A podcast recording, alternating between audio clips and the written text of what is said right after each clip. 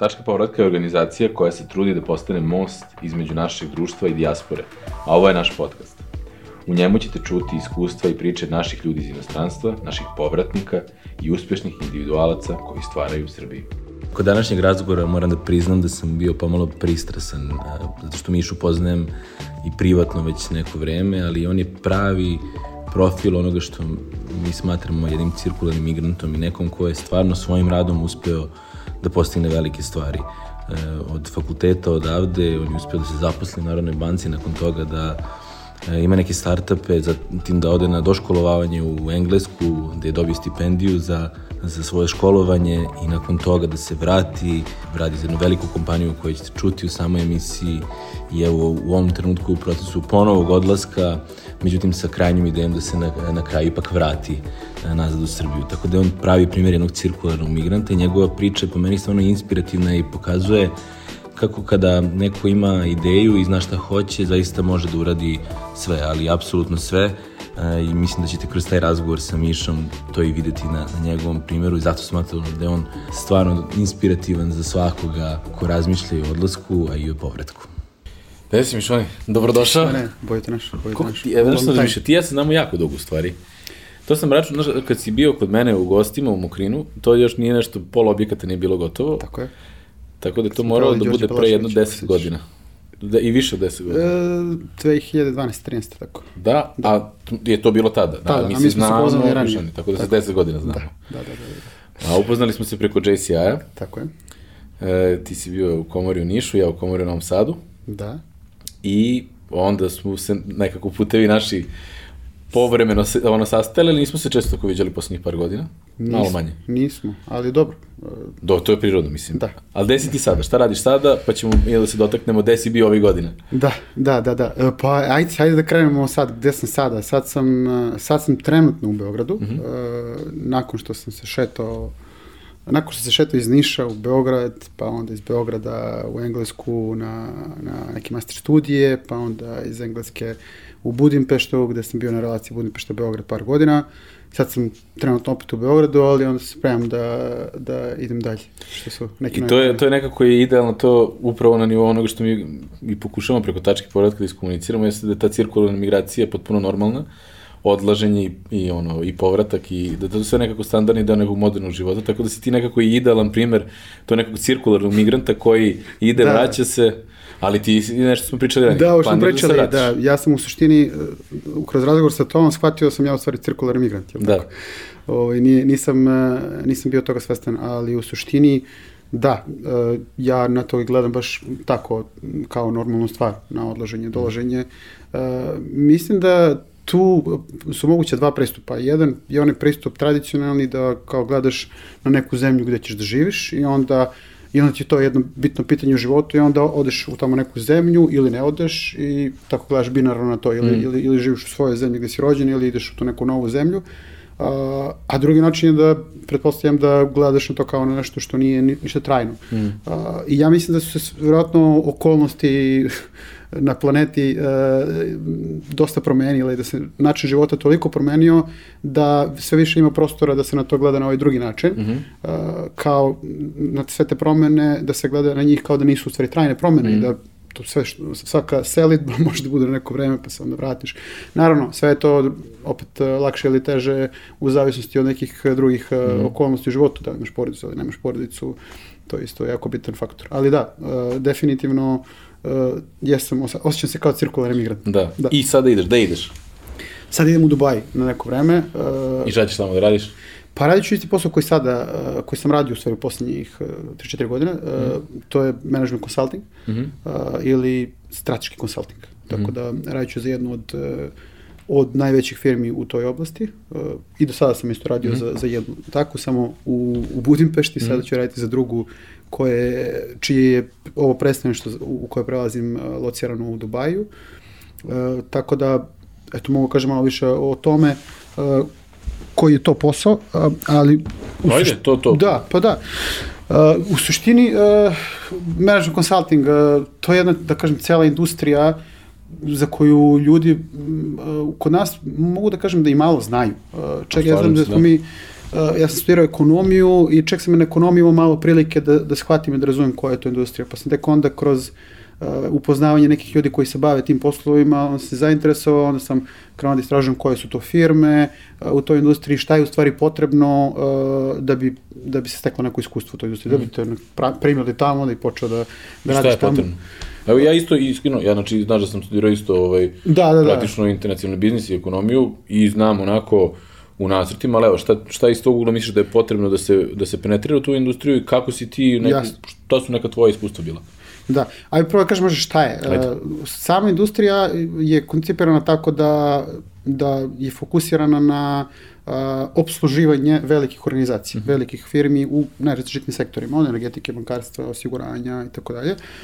I pomaže ovim organizacijama, pre svega menadžmentima, top menadžmentima organizacija, u donošenju strateških odluka, najrazličitih strateških odluka, od definisanja strategija do definisanja, ne znam, prioritizacije sektora tržišta do prioritizacije proizvoda, mm. do rešavanja organizacijonih transformacija, definisanja planiranja mm. i sprovođenja organizacijonih transformacija.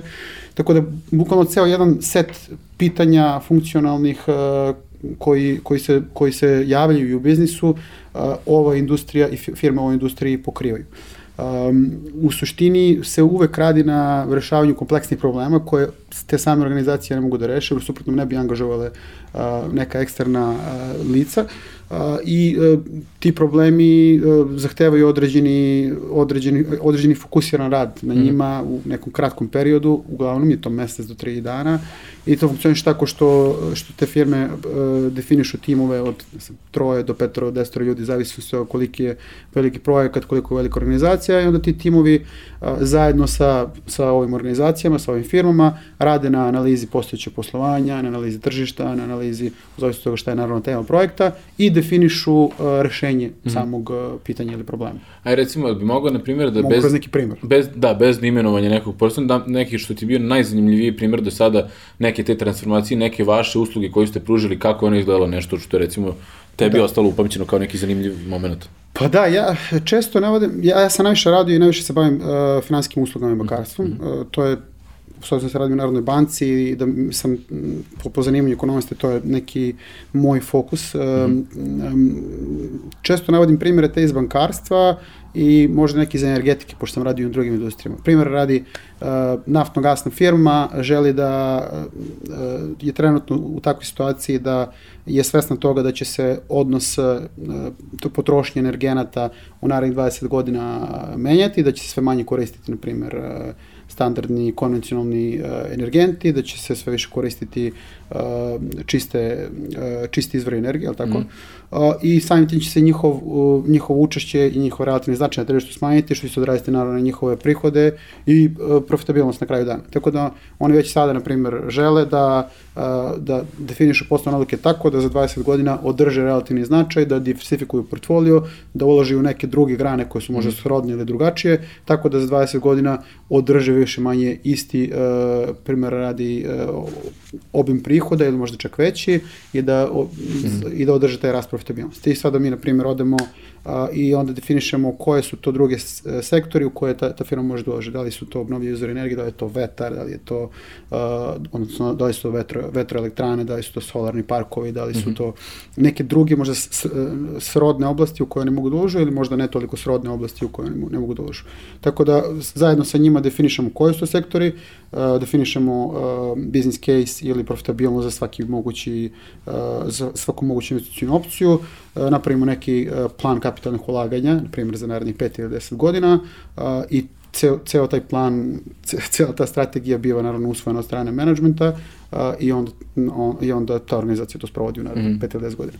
E, to, mislim, ovako kada se to pomeniš, to zvuči onako super nekako pravolinijski, ali imali, mislim, zašto znam da je vaš posao onako istraživanje nekih stvari koje taj management možda i nije video u startu, nego otkrivanje nekih, e, da kažemo, potencijala koji su možda bili skriveni. Tako je. Tako jel, tako. jel je to nešto što je nešto što se uglavnom bazirate na tom ili je to nekako se ponekad desi? Ne, mislim da je to poprilično, poprilično je slučaj na svakom, na svakom svakom na, mm. našem angažovanju, samo je način na koji se dolazi do toga različit. Mm. Nekada se do toga dođe tako što prosto, s obzirom da smo internacionalna firma, ako radimo, na primjer, uh, za klijenta u, ne znam, uh, Poljskoj, uh, naravno da smo u prilici da donesemo najbolje prakse sa drugih tržišta mm. i da mm. znamo šta rade slične firme u sličnoj delatnosti na drugim mm. tržištima i da samim tim već na bazi toga šta drugi rade damo neke dobre preporuke, da znamo šta, koja su dobre iskustva, loše iskustva, šta ide, šta ne ide. Mm. To je jedan način. Drugi način je da prosto se uh, pozabavimo analizom uh, tržišta i trenutnog poslovanja firme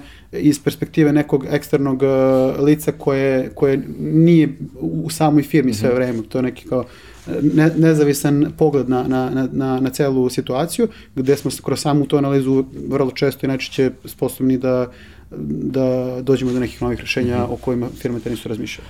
Ali sam si rekao da kod nas se dosta ne zna o tom tržištu i da je cijela, cijela industrija malo nekako maglovita iz ovog nekog ugla našeg lokalnog. Jeste. Uh, ali evo i, i sam si rekao da si, si sam zainteresovao kako da u stvari dođeš u poziciju da radiš u toj industriji. Pa kako je se onda u takvu industriju uopšte ulazi i koji su tvoji koraci bili ili koji su neki standardni koraci kako dolaziš do, do, do nekog momenta da da budeš u poziciji koji ti se jesi, a to je neki internacionalni praktično konsultant sa nekim svojim delokrugom onog čime se bavi. Da. Koji su bili tvoji ili generalno koji su neki standardni koraci? Pa, uh, ja sam, uh, sad, mislim da generalni koraci više možda i ne postoje. Nekada je, na primjer, za tu industriju uh, pravilo bilo da se, ono, odeš uradiš MBA na nekoj od top biznis škola i praktično već do, dobiješ ponudu čim se na MBA-u, već dobiješ ponudu nekih od tih top consulting mm. firmi, bilo da su to McKinsey, BCG, Bain ili neke druge.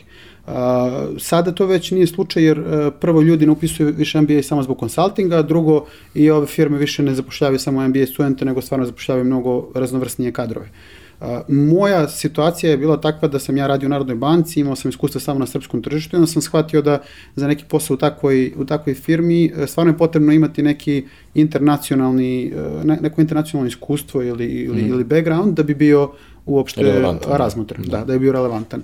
I ujedno je to bila jedna od mojih motivacija zašto sam ja išao uh, na, na poslovne studije, na, na MBA studije u Englesku, mm jer mi je to bio korak ka nekoj internacionalizaciji karijere i ka nekom uloženju u svet uh, poslovnog konsultinga. Mm -hmm a, a kasnije možda i nekog preduzeća. I dobro, znači, jedan od prvih poslova ti je bio na Narodnoj banci Srbije, ili tako? Da, da, imao sam... Pre da, toga nešto, da, ali... Da, ali to je bio prvi, prvi veliki posao. Da. da, i onda kako dolazi do... O, gde si tačno studirao u, u Engleskoj? E, studirao sam na, na Oxfordu na Side Business školi, uh mhm. -huh. to je MBA program. I, I kako u stvari dolazi do odluke da odeš i kako od, kako su izgledali koraci pripreme i kako si uspeo da se enroluješ tamo, kako si da ajde da kažemo, do toga došao? Pa da, to ja mislim, to, to um, ceo taj proces uh, dolaže, dolaženja do zaključka da ti u stvari to želiš i da hoćeš to, to je, to je duži proces. Mm. Uh, ja mislim da uh, kod mene dosta, dosta bilo do toga da, ono, kad sam došao na tržište rada posle fakulteta, onda sam shvatio koliko koliko ne znam, koliko nemam uh, nekih sposobnosti, iskustva, koliko mi fali neka iskustva internacionalno, obrazovanje internacionalno, da bih u nekom dugom roku ostvario neke svoje, da bih razvio karijeru u smeru u kojem ja želim. Bilo da je to neki konsulting ili neko, neki lični, neki privatni biznisi.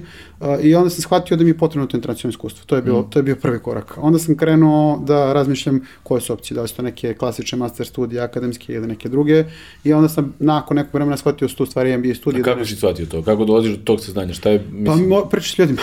pričaš da. sa ljudima, pričaš sa ljudima koji su radili jedno drugo, og, uh, onda vrlo često ti ljudi kažu ono što ti nisi možda, nisi, ne možeš da shvatiš iz, iz svoje perspektive, nego ti mm. neko drugi kaže ne, tebi u stvari, ti, ti u stvari treba da radiš mm. MBA. I u mom slučaju isto tako bilo. Moj drug je isto radi MBA na istoj školi. Uh, i neki drugi drugari su radili neke mastere akademske studije na drugim programima, ja sam onda razgovarao sa jednim, razgovarao sa drugima, gledao sam uh, kakve su studije na, jednim, na, na, na mm. jednoj vrsti programa i na drugoj, šta, kakve perspektive nude, ja sam onda shvatio da, ok, definitivno je ipak ovo drugo što, mm -hmm. to što ja hoću. E sad, onda je došlo do toga da su te poslovne studije u stvari mnogo skuplje od akademskih studija, da. uh, što je bio uh, drugi izazov uh, u celoj priči.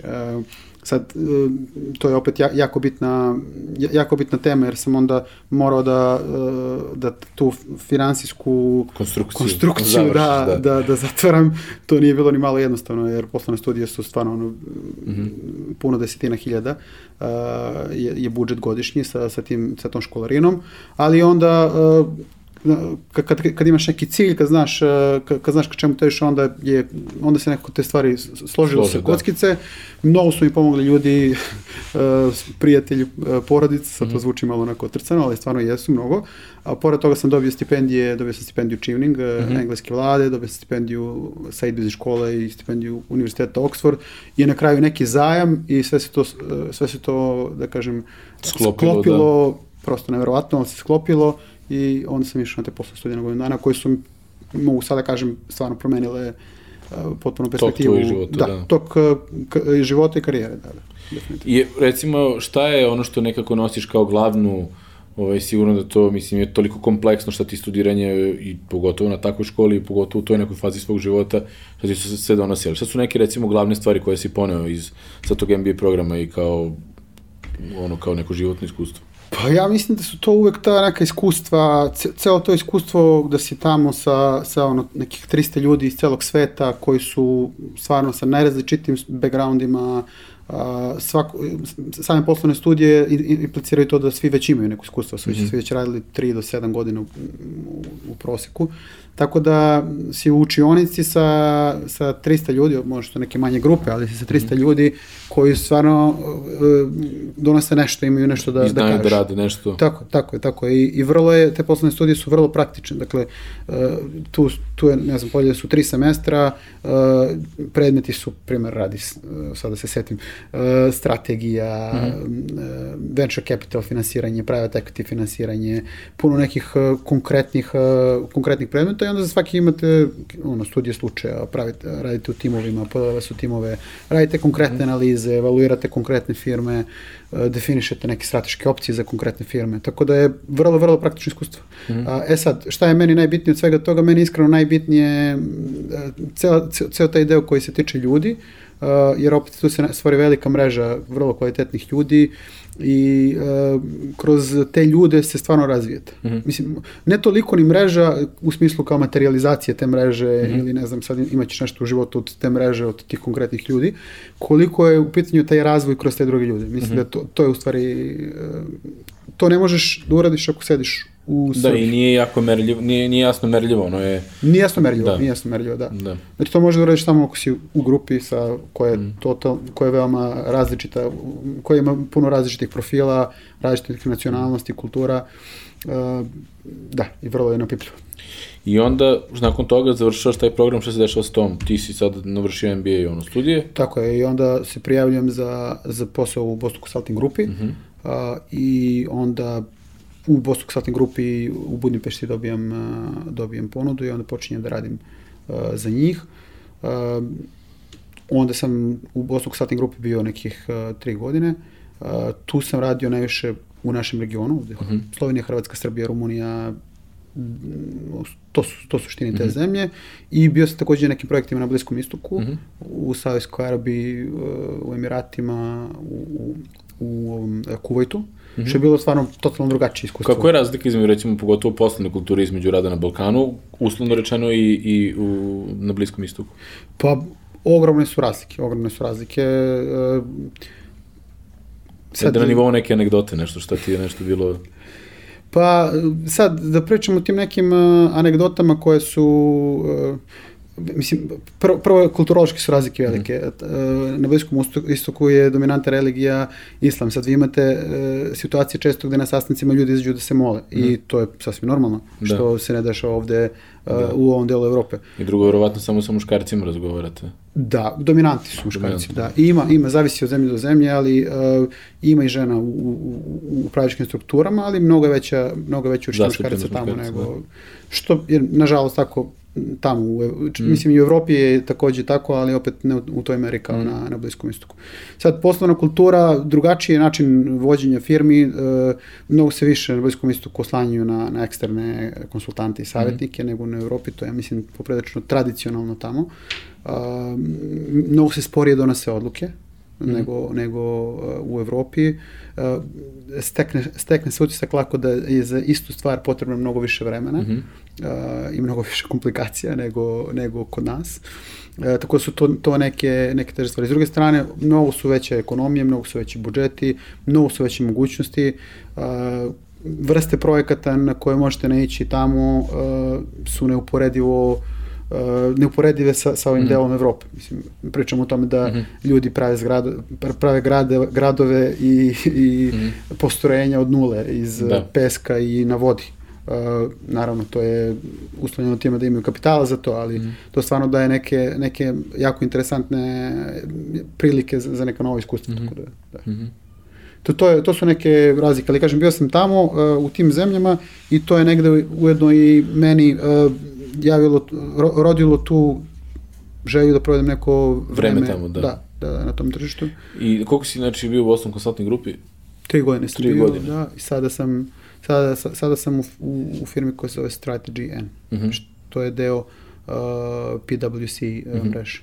To je firma koja se zvala Booz Allen Hamilton, uh, u suštini najstarija firma consulting na svetu, osnovna pre 100 godina uh mhm. -huh. i tu firmu je akvizirala um, pre nekih 7-8 godina jedna od vojećih revizorskih kuća uh -huh. uh, PwC uh -huh. uh, i sada je u suštini deo grupacije, samo što se zove Strategy N, uh -huh. zove se Allen Hamilton. Da. I, ovaj, I sad ti si već počeo da radiš za njih, jel da? Da, da, da. Mislim, e, počinjem da radim uskoro, počinjem, idem fizički tamo uskoro, ali... Da. Ali recimo, mm. zašto je, da li ti je, da li ti je, pošto je, s obzirom da pričamo i nekako o migracijama generalno, mm -hmm. da li ti je odluka da se prijaviš za BCG bila vezana za to što bi bio bliže kući i da li je u tom trenutku to bio neki faktor, da li si razmišljao o tome ili ne? Pa iskreno, ja tada nisam, uh, kad, kad ste na NBA, onda imate milio nekih opcija mm -hmm. u smislu koje možda nisu toliko konkretne, mm -hmm. ali su opcije bar u glavi, u, na mhm. nivou razmišljanja. I svi ljudi oko vas, 300 njih, svi imaju sve te opcije i u suštini, ali 70% ljudi nema pojma gde će završi mm -hmm. dok ne završi tamo. Mm -hmm. uh, naravno što je sada, kažem, to je ranije možda bilo dosta jasnije, jer ljudi u NBA već znaju da će raditi, ne znam, za McKinsey posle toga. Da. Sad je to mnogo manji procenat ljudi sa, sa takvom, sa takvom uh, trajektorijom. Da. uh, ja sam imao čak, razmišljao sam čak i opcije da ostanem u Engleskoj neko vreme, Uh, ali ovo je, ovo je bilo, ja mislim, prirodno, prirodnija putanja, jer onda mm. sam deo internacionalne firme, ali sam opet fokusiran na tržišta koja mm. ja znam mm -hmm. i odakle ja dolazim. Da. da. I ovaj, ali kad smo razgovarali pre toga, mislim, baš zato sam te pitan da li uticalo na tebe, mislio sam da je u većoj meri, ali verovatno se samo potrefilo da je bila prilika koja je omogućila da budeš bliže kući, ali da se desilo u Engleskoj ostavi verovatno tako. Pa da, mislim, ne, ne, to je bilo poprilično oportunistički, da. Uh, gde, se, gde se javi bolje prilika da. za taj neki prvi korak posle, poslovne, posle poslovnih studija. Uh, desilo se da je u Budimpešti uh, se razvijao tim mm. koji ujedno pokriva i srpsko tržište da. i hrvatsko i slovensko tržište da. i gde postoji potreba za profilom da. kao ja, što je meni bilo super, super da. njima je bilo super. Da. I sad si rekao da ideš ono praktično na još par godina iskustva, ali onda imaš nekako dugoročnu želju da se vratiš. U čemu leži to, si, to smo pre nešto pre, da. pre samog snimanja pomenuli, ali pa mene interesuje u čemu leži u stvari i tvoja, i, ovo tu pitam i privatno, zato što ja imam isto kada ti kažem, ja sam 9 godina bio na polju da, da. i, i te neke oscilacije konstantne, ovaj, u čemu leži tvoj neki osjećaj da želiš u nekom trenutku ponovo da se vratiš, iako sada ponovo ideš? Pa da, prvo, prvi, prva rečenica koju moram kažem je da se ne osjećam kao da idem. Da. to je, i, ja, i dok sam u Engleskoj bio, ja mislim da sam od tih uh, ono, 300 ljudi, ja bio jedan od onih koji su se najčešće, najveći broj puta vratili kući. Mm -hmm. Za godinu dana sam bio kući, verovatno šest puta. Mm -hmm. Do mhm. duše imao sam dobre povode, hvala Bogu, mm -hmm. ali, ali da. Um, tako da i sad se osjećam kao da, da idem, ali um, eto, što? Pa ja mislim da su glavni razlog uh, ljudi koji su mhm. tu. Mm. porodica, prijatelji. E, drugi razlog jeste što negde u dugom roku bih ja volao da uh, u ovoj zemlji da u ovoj zemlji stvaram i mm. radim i da odavde uh, da odavde radim to što da. privređujem. Tako je da i da dajem neki svoj doprinos zemlji možda ne direktan, mm -hmm. kroz, možda ne direktan, ali indirektan, mm -hmm. da mhm. tako kažem. Tako da to, to su neke motivacije. Ali u skladu sa tim imaš neku i privatnu inicijativu, kažemo, kojom se, kojom se baviš? Da, da, da. da Neki sad... side hustle koji je šta? Pa to je neka brokeraža stambenih kredita, ukratko. Dobro. Uh, pošto u, u ovom delu strateškog uh, savjetovanja bavim uh, bankama i finansijskim institucijama, pretužno, a i sam sam imao to iskustvo. Mm -hmm. Uh, onda sam ja uzimao neki stambeni kredit i onda sam shvatio da tu uh, postoje takođe puno nekih bolnih tačaka u tom procesu uh, i da na našem tržištu nedostaje nešto što se zove ta brokeraža stambenih mm kredita. Uh, u suštini uh, pravimo platformu koja će pomagati ljudima da um, pronađu najbolju ponudu za stambeni kredit uh, na tržištu za sebe. Dobro, a to koja je to razlika od onih što vidimo online kalkulatora, što svaka banka ima? E, pa razlika je, primjer, to što svaka banka ima, to banka radi svaka za sebe. Da. Onda ima i postoje neke platforme koje generišu uh, oglašene ponude banaka. Oglašene ponude banaka za različite finanske proizvode, ne samo za stambene kredite. Dobro. Uh, tako da oni generišu ponude, kada vi ostavite tamo neki upit, onda vas ta banka zove za koju ostavite upit. Ovde je, uh, ovde je situacija tako da se mi fokusiramo na stambeni kredit i ljudi koji uh, uzimaju stambeni kredit dolaze na našu platformu, uh, mi zastupamo te ljude kod X banaka, od kojih mm prikupljamo konkretne ponude, jer za stambeni kredit su obično te ponude koje su oglašene na sajtu i one koje na kraju dobijete različite, a, a opet tih 0,3 ili 0,2% u kamatnoj stopi dugoročno na, znači. Dugoročno znači puno, tako je. E, tako da mi tu pomažemo ljudima prvo da skupe ponud od, od većeg broja banaka, bez toga da idu od banke do banke, da skupiju dokumentaciju za svaku banku. Mm -hmm. Onda i pomažemo da razumiju te, te ponude, pošto veliki broj ljudi Uh, mislim, stambeni kredit se obično uzima jednom u životu, tako da, da nema potrebe da, da učite to uh, ni u školi, ni, mm. niti ima potrebe da pamtite, kad to jednom završite, verovatno možete zaboravite. Tako da mi hoćemo da pomognemo ljudima da za taj jedan put u životu koji uzimaju stambeni kredit imaju neko koje, koga mogu da pitaju za sve mm. i da, da im pomognu da, da razumiju te ponude, da odaberu pravu za njih uh, i na kraju da, da ih spavimo sa bankom. Dosta velik broj ljudi koji, koji se nama komunicira uglavnom iz dijaspore jeste izneno kao jedno od, kao kažem, neka lista želja kada bi eto mm -hmm. samo mogli da uzmu kredit u, ovaj, stambeni kredit u Srbiji, a da i dalje ostanu u neko vreme u nekoj toj dijaspori, u nekom inostranstvu, odakle relativno, re, mislim, lakše isplatiti taj stambeni kredit nego sa nekom prosečnom platom u Srbiji, sa nekom prosečnom platom nego, negde drugde gde su i troškovi veći, ali opet kada je neko to odvajanje da kažemo, u tom nekom procentu u odnosu na platu manje, da, je, da bi bilo lakše. Međutim, to nije praksa na, na, na terenu. Za, mislim, zašto nije praksa? Zašto naši ljudi iz, iz Nemačke ne mogu tako lako dignu stambeni kredit ovde?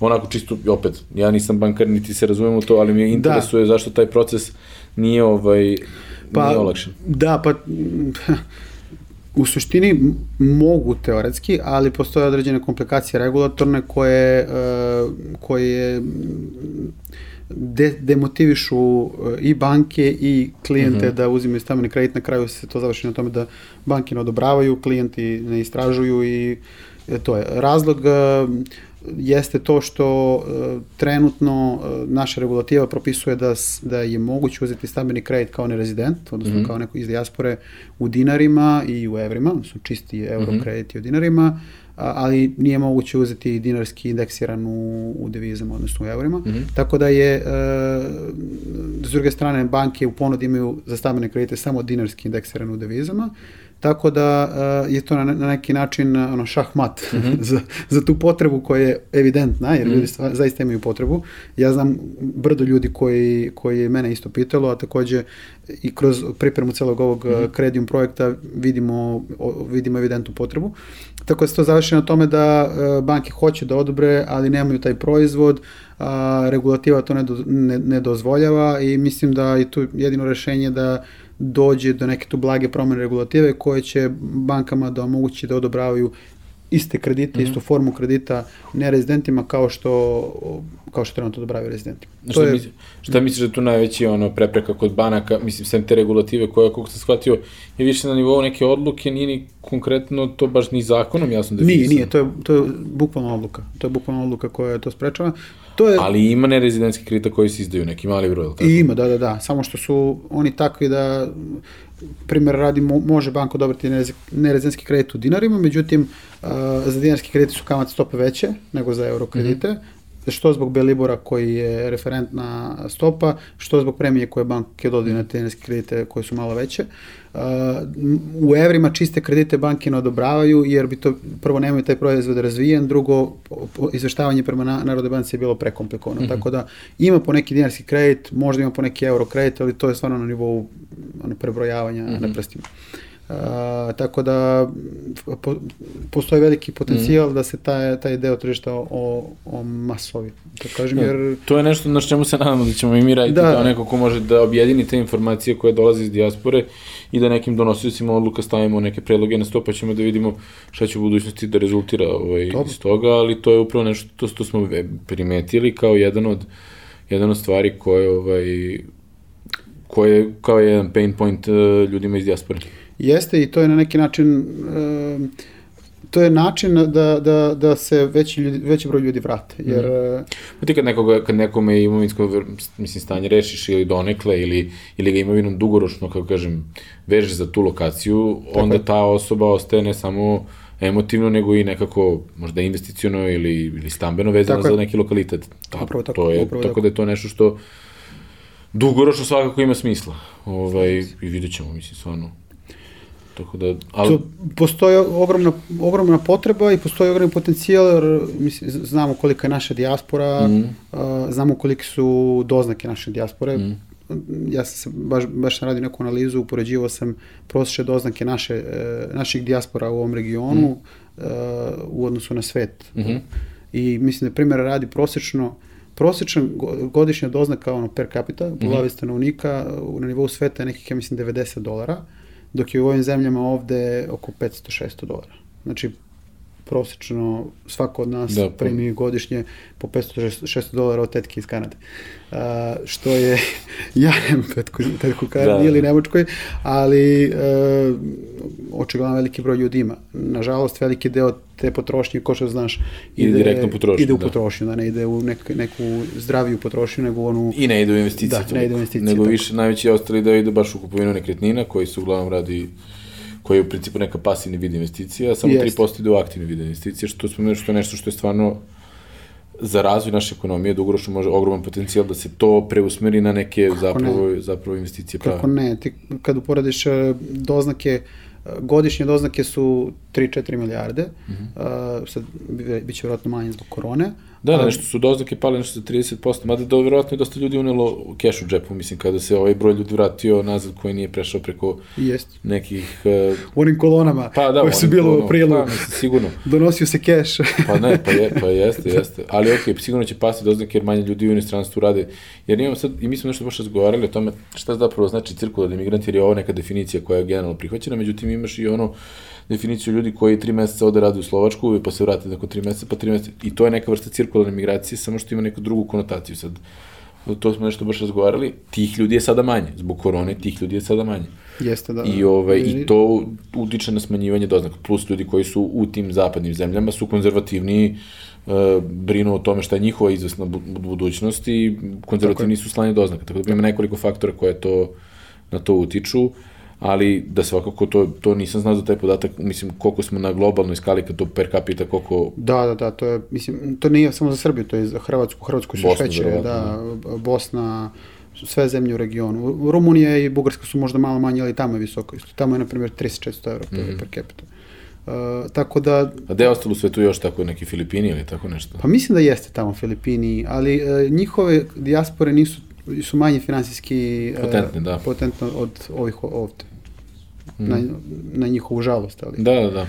Tako da, da, i onda kad ti pogledaš te, taj ukupan iznos doznaka godišnje 3-4 milijarde, pa onda podeliš se stranim direktnim investicijama koje mhm. godišnje mm. primimo, koje, da. ono, kad su između 2 i 3 milijarde, mi smo da. presrećni, što da. jeste dobar, dobar rezultat. Onda vidiš da u stvari naša dijaspora na godišnje, godišnje pošalje mnogo više novca i na kraju su te strane direktne investicije, struktura je tako da jedan dobar deo ode na potrošnju, ne znam, za opremu mm -hmm. koja se opet uvozi iz inostranstva. Mm -hmm.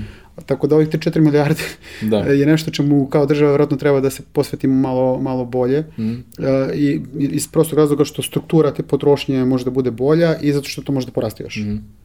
To su. I koji je tvoj plan sada? Tri ideš na par godina preko? Pa, godinu dana je... Gledaj, pošto vidim, gledaj, pošto da, sada pokazao, kroz ovaj razgovor si iskazao da imaš onako nekako dosta strateški pristup ne samo radnji svog posla, nego i planiranju svog života. Tako da verovatno imaš neki petogodišnji plan, desetogodišnji plan. E, uvek sam izbjegavao da imam neke precizne stvari. Kao, e, sad, da, jedna mala digresija, ne znam, si ispratio ovaj mimo, ono kao, znači svako ko je na intervju za posao rekao 2015. 10 vidite za 5 godina nije bio pravo, znaš? da. da, da, da, odlično, odlično fora. Uh, pa ne, nemam, uh, preciziram nešto kao da hoću budem tu i tu, mm. da ne znam, radim to i to nemam takve planove. Generalno, ono, kako, kako vidim sebe, tu sam sad godinu dana sigurno mm -hmm. uh, u ovom nekom uh, poslu. Uh, ide... Tiče neko iskustvo dodatno? Da, da, dodatno iskustvo, upoznajem novo tržište, to, to mi je takođe jako bitno da, mm -hmm. pošto ja sad, na primjer, poznajem dosta ljudi i dosta banaka u ovom regionu, ne znam ih u, na Bliskom istoku, kroz ovo iskustvo upoznajem, uh, upoznajem sve te neke nove ljude. Uh -huh. uh, a ne znam, za pet godina od sada možda vodim neki svoj biznis. Možda mm -hmm. to bude baš ovo, ali za više zemalja mm -hmm. a, ili na nekom, na nekom većem nivou. Mm -hmm. Dobro. To je ideja. Hvala ti puno što si bio. Hvala tebi. No, ovaj, e, mislim da je tvoje iskustvo stvarno inspirativno sa te strane, zato što si nekako prošao sve neke te etape, ovaj, od nekako i redovnog studenta ovde do nekog MBA koji si stvarno ono, kako kažem, krvo zaslužio da, da bi došao do tamo. Da. Uh, I stvarno neko je na nekoj karijeri koja je sada već zavidna, verujem da će biti još ono impresivnija za, za neki sledeći put kad budemo razgovarali. Tako da, uh, mislim, zbog, čega mi sam stvarno želeo da ovaj, i nekako tvoj životni put podelimo, jeste zato što može da bude nekako i neki roadmap drugima, kako u ovoj ili u drugim nekim industrijama mogu da pristupaju rešavanju neko, jer ti si stvarno neko ko je onako napravio, barem iz mog ugla, kako ja znam stvarno sve samo od sebe i stvarno svaka čast na tome, mislim da si stvarno ovaj, im, impresivno u tome. Tako da, hvala ti što si tu svoju priču podelio. Hvala vama, meni je jako drago što sam imao priliku da, da, da, da pričamo, ne nužno zbog deljenja svoje priče, koliko mi je drago da podržim takođe i mm. ovo što vi radite, mislim da je sjajna stvar. Trudimo se. I mislim da je to baš trebalo, da baš Trudimo trebalo se. i da, da će to biti sjajna jedna priča, priča u nekom srednjem i dugom roku. Miš, hvala ti puno. I radujem se da pomognem sve što mogu. E, vidi, vidi, i nekako ćemo te sigurno negde uhvatiti za to. Imamo sada i ono, zapisano, zapisano da, da, da, da, si, da si ponudio pomoć. Tako da hvala ti stvarno. Hvala vam.